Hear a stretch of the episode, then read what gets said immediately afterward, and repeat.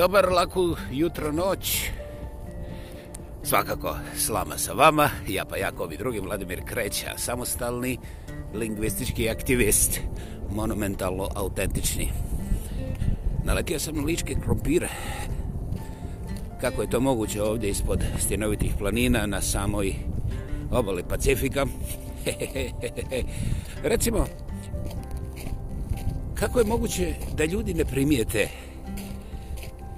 kako recimo takozvani zakoni koje država bilo koja ustoličila rade nevjerovatne koristi recimo nogometu jer kada bi podebljali navijači koji se kunu da vole nogomet kao igru natjecanje nadmetanje kada bi im država dopustila samo malo više onda bi oni uništili i nogomet i sve oko nogometa. Jer dovoljno je da rulja uđe na jednu utakmicu, polomi noge svega dvojici, trojici ključnih igrača i već u sljedećem kolu sve je promijenjeno.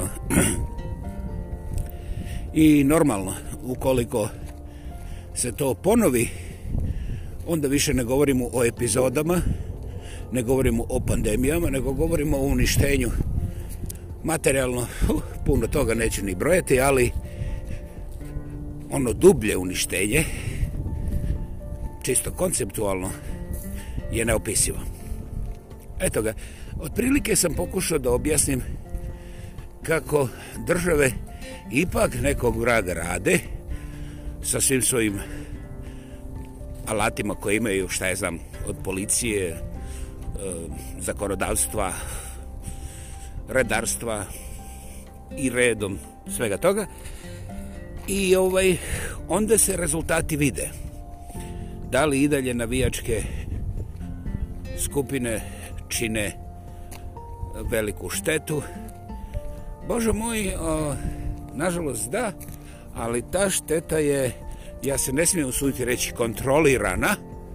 Međutim, nije čak ni podnošljiva, ali ima neku mjeru koja još uvijek štiti nešto što se zove igra i eto, ja se nadam da će se to popravljati.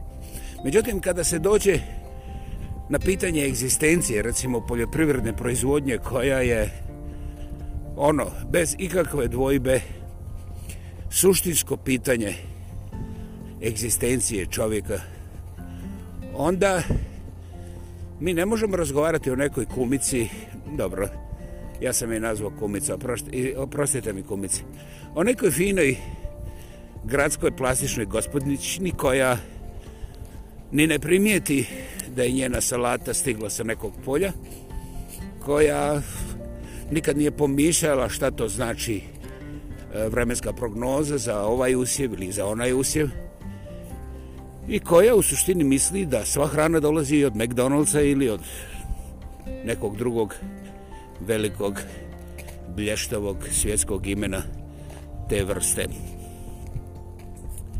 Dakle, ni slučajno ja nisam rekao svi su glupi, jer ja tvrdim da niko nije glup.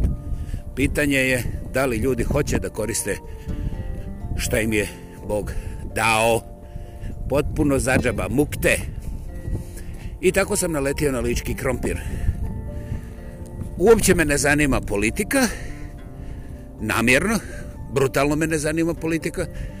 Ono, nisu na razini da bi ja uopće htio s njima razgovarati u ovom konkretnom slučaju, ali želim da postavim nekoliko javnih pitanja. Naime, Ja sam na vrlo težak, dramatičan, morbidno skup način naučio, između ostalog u svim teorijama raka, da ukoliko čovjek nema redovito i dnevno minimum 60 do 80, ponavljam 60 do 80 tih eh, mikronutrijenata, prije svega minerala i trace minerals, ovaj, onda taj čovjek ne da ne može biti zdrav, nego nakon relativno dužeg vremena je potpuno otvoren da svaka anomalija u njegovom organizmu jednostavno preraste iz razreda ono podnošljivo u razred kancer ili neka slična terminalna bolest. Bang! E, naravno, Kad ih ima 60 do 80, ko bi ih nabrojio? neću, spasiš, spašeni ste, neću, neću. E, ja sam ih naučio na pamet. to, će, to ćemo, ako mi neko postavi javno pitanje, to ću ja onda odmah da izbiflam. I onda, naravno, otićemo na sasvim drugu stranu. A ja želim da kažem kako je uzelo vremena nakon što sam se ja suočio sa tih 60 do 80 minerala, trace minerals, bla bla. Da kažem, šta te, pazi vraga, neorganske tvari traže u mom organskom organizmu.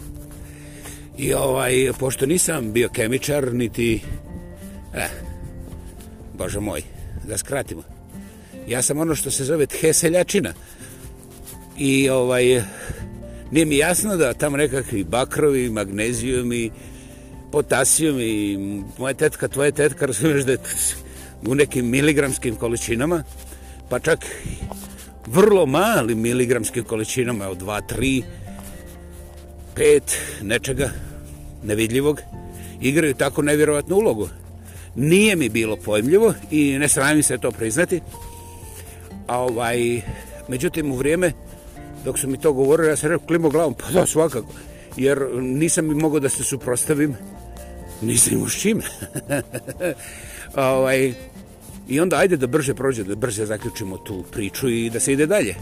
Međutim, nakon nekog vremena i ponavljanja i kažem te moje okolnosti koje neću ulaziti sada, su me prisile da, da mi to visi ispod nosa svaki dan 25 sati dnevno i onda se desilo da sam ja analizirao to što čitam i pitam se o kako, kako moj mozak uh, ono, ne povezuje, ono, još uvijek mi je strano što, što će ti neki magnezijum i bakrovi, željeza, mislim, po ovom organizmu, mislim, u čemu je stvar, zašto se ne najdemo eksera, pa svi budemo zdravi.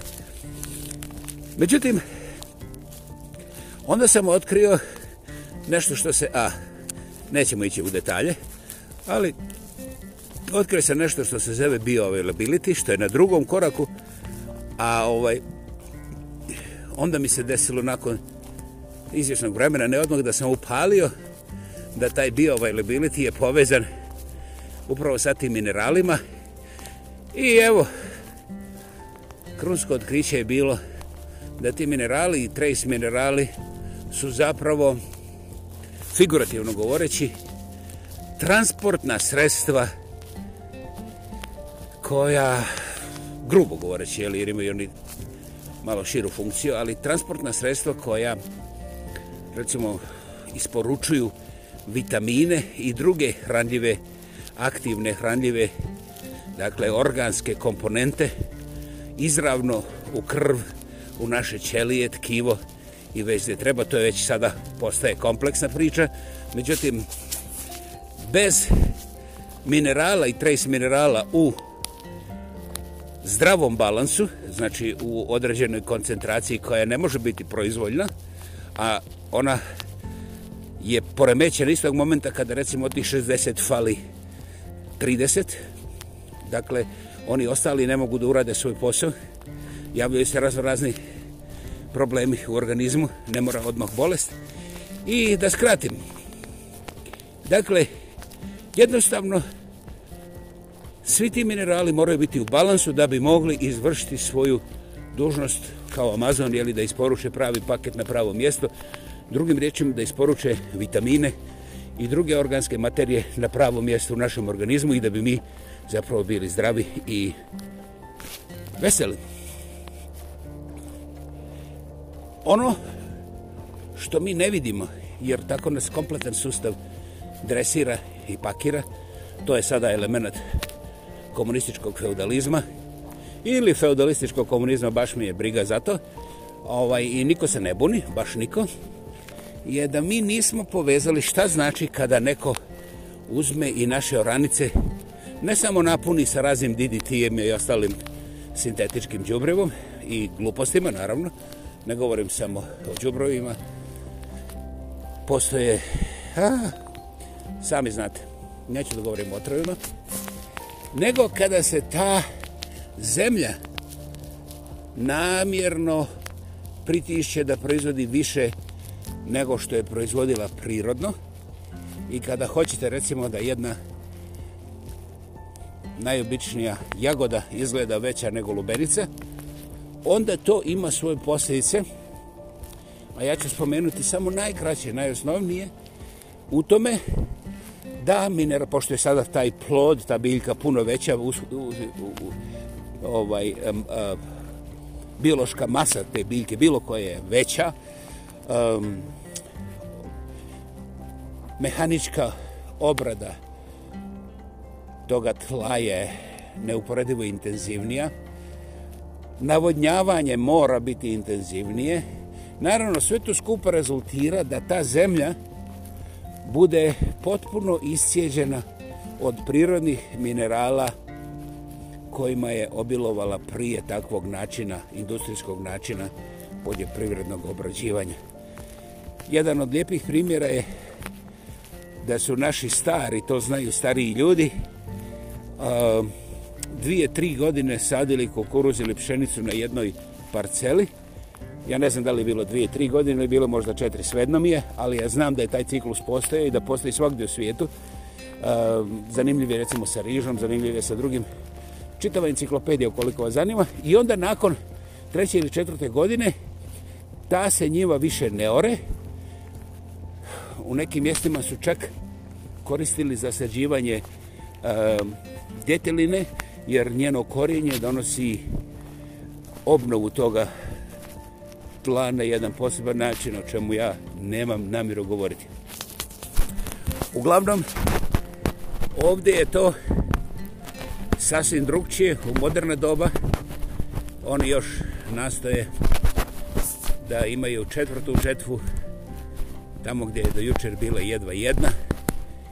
I onda je neminovno posljedica da imamo jaboge, jaboge, jagode velike kao lubenice, a u njima nema ni traga onoga sadržaja koje je naš organizm, koje je naš, našem organizmu nužno potreban, prije svega minerala, jer nema ih u, tki, u tlu.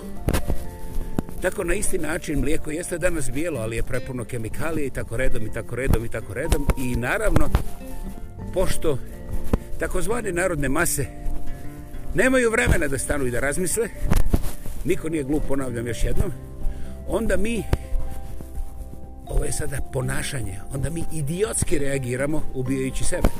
Guzice nam narastu četiri broja preko noći i krivimo zato trend prošlogodišnjeg prošlogodišnje mode u ovdje ili one, sve jedno je. Dakle, u cijelome tome, u cijeloj toj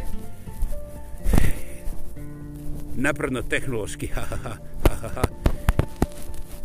džungli, pojavi se jedan čovjek koji ore i kopa na tradicionalan način na svome zemljištu koje nikada nije industrijski obrađivano u okolini koja još uvijek industrijski nije zagađena i on jadan ostaje izoliran jer pošto ne proizvodi ni jednu strategijsku količinu i ni jednu strategijsku komponentu u tom velikom lancu prije svega trgovina i politika on potpuno ostaje neprimjećen. Meni je posebno drago i ja ovim, ovom zgodom zahvaljujem Hrvatskoj televiziji, jer oni su snimili taj prilog koji sam ja vidio i koji me ovaj,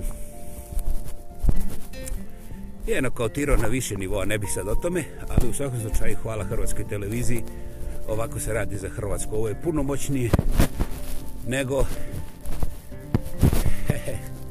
da li će biti ciničan, a vrlo radan nego Vučićevih zilion radioaktivnih tenkova koje onda uvuk od nekog corala pa su sad kao jači. Ja vjerujem da to pomaže kod korone, ali kod korone neće.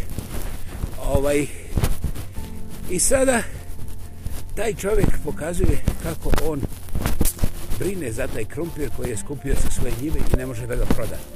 Nijednog momenta nije pomenuto kako je taj krumpir sa prvorazrednog tla je da taj krumpir nije samo hrana, nego lijek, u dan, posebno u današnjem okruženju. I da bi, opet kažem, ostavite politiku, ostavite trgovinu, ostavite te velikoformatske sistemske majmune na miru. Oni imaju svoju baranu, oni znaju kako se to plocka. I onda li smjeste nama za naše pare. I isto tako to znaju, nikad nisu pogrešili. Ali, u jednom momentu ja uhvatim sebe I onda puknem šamarčinu sam sebe onako iza leđa, iz zasjede. Zašto bih ja toga čovjeka žalio? Ja mogu njemu samo zavidjeti i to ako mi dopusti. Jer on i njegova familija su na putu extermination. Njih će istrebiti ovaj sistem. Niko ne gleda. Međutim, on živi od svojih ruku na svome i on može biti jedino umoran. On nema noćne more i on neće nikad imati rak. Ono što mi odmah poslije toga bljesnulo je kako je moguće da ta mala poljoprivredna gospodarstva koja su svojna svome nisu zaštićena od crkve u ime familije, u ime obitelji. Jer ako ovaj čovjek može svoga sina ne samo da nahrani, nego da mu kupi auto, pa da on i njegova gospođa imaju ovaj s čime da skoknu do Karlovce ili do rijeke ovako malo čisto da se raspolože onda će oni biti ekskluziva oni će biti ne tamo neki seljaci nego će biti tvorci organičke zdrave hrane što bi i u stvari što jesu takvi u sve većim brojevima u ovom takozvanom prostoru trulog zapada. Jer e, nije pitanje više da li je organska hrana jedina slamka za naše stvarno zdravlje, nego je pitanje da li mi uopće možemo imati ikakve organske proizvodnje ili organičke svedno kako izgovarati. Dakle, taj svećenik, ta lokalna crkva nije pomenuta nigdje. I sada od tih pasova crkva bi bila ta koja ne treba da zavisi o ekonomsko-političkom elementu. Međutim, niko se nije ovdje zanadio osim izgleda mene da je crkva preslika onoga što rade ovi gospoda erojovi politički. Tako, ali ja sam morao da ih spomenem jer oni puno njaču o, o, o obitelji, posebno hrvatskoj obitelji na hrvatskom tlu ne rade ništa. Komunistički feudalizam vam je u duši i u kostima, najgore u dijelu i vi uživate kada od svojih podanika, to jest seljaka okolo svoje crkve napravite dužničke robove koje onda možete potezati ovako i onako i tu i tamo dati im konzerve iz Njemačke kad dođu na godinu. Dakle, gospodo, nemojte se pokrivati ušima, smrdit ćete čak i na taj način. O, moj drugi prigovor ide na takozvane zvane potrošače. Zagreb, Rijeka, Split, Sisak, Karlovac, sva ta mjesta. Odvesti se čak 100 km lijevo ili desno. Danas putevi su u Hrvatskoj odlični, koliko sam ja vidio. 100 km lijevo desno je ljudi moji manje od sat vremena. E, također manje od 100 kuna. I ovaj čovjek za 100 kuna dade, dade 34 ili 36 kg prvorazrednog organičkog krompira. Ostavimo na stranu što on spominje i druge proizvode koji su također organički. O čemu se radi? Vi možete da se hranite organički i još da zaradite. Jer ponesete jednu ekstra vreću koju prodate ili ako već ne prodajete možete da smanjite ukupne troškove svojim susjedima ili prijateljima ili bliže rodbini vaši. Znači, mi smo inertni, mi kao ljudi imamo dugačke jezičine, ali da se provozamo, recimo, do like, no, što ću ja među seljacima? Pa to lijepo zvuči, šta ću ja među seljacima? I onda pogledamo gledali i kažu, pa da, to je normalno pitanje, jer ja sam seljačina. Znači, ja se već družim sa seljakom. Tako ja ne moram da idem nigdje, vi imate Božiju do like na koje vam zavidim uspotrošeno. Ne samo zbog liseljačkih pitanja. Ok. Dakle, taj naš običan čovjek će gudaliti o svim vrstama politike, sistema i tako dalje. Imaće elaborate sljedećih 78 godina, ali da uzme 70 minuta u jednom pravcu i 70 u drugom da se provoze i da donese sam sebi prvorazrednu hranu, pa nemoj tako, otkud bi ja. Ok, i onda dolazimo do konačno jednog, jedne male sedmice koju bi hrvatski intelektualci apsolutno morali učiniti. Ovdje ne govorimo o znanju, definitivno nikakvoj vrsti znanja, nego govorimo o pokretanju vlastite guzice.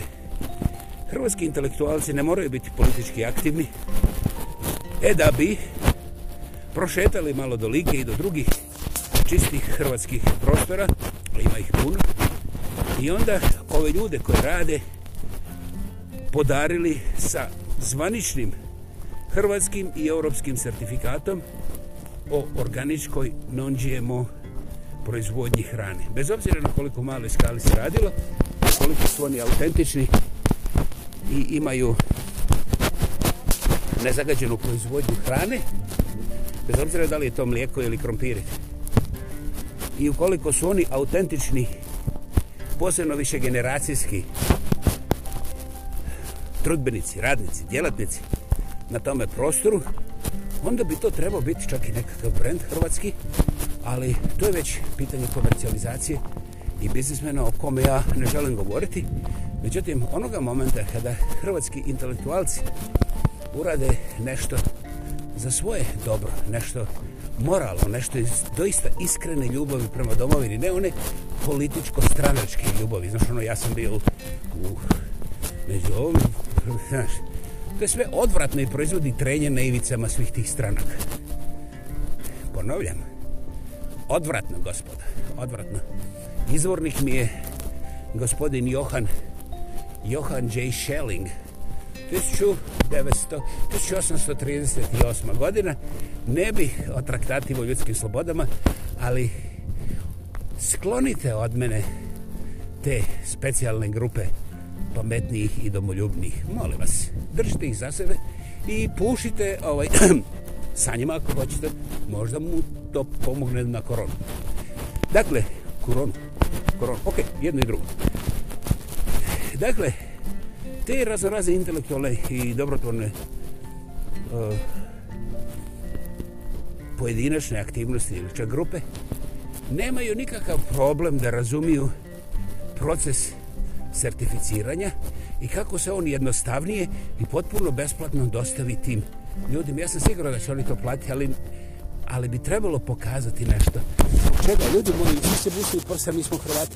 Ja ne znam ni jednu hrvatsku zakladu ovdje, ima strašno bogatih ljudi. To je jedno hrvatsko djeto siromašno poguralo do Harvarda ili do Stanforda. A svaka seljačina iz Poljske to radi za svoje mlade Poljake. Ovaj, i ima masu tih e, privatnih ne samo asocijacija, nego i donacija, obični donacija Pero ima pare i on donira za takvog i takvog studenta i onda se oni školuju najbolje, u najboljim školama i nešto se postiže. Dakle, ljudi, da li sam ja vama rekao da, jesam. Ja sam rekao, ako se zgražavate na političara,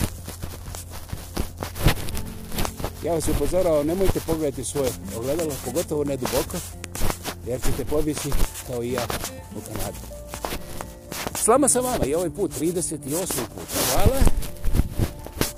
I... Ne, eh, rekao sam previše, ali u tim pragmatičkim elementima nisam objasnio još nekoliko operativnih, vrlo moćnih aktivnosti koje mogu da se rade pojedinačno i nisu u sukobu ni sa politikom, ni sa državom, a toga gospodina seljaka, jednog čovjeka, moćnijim, zadovoljnijim i proizvodnijim.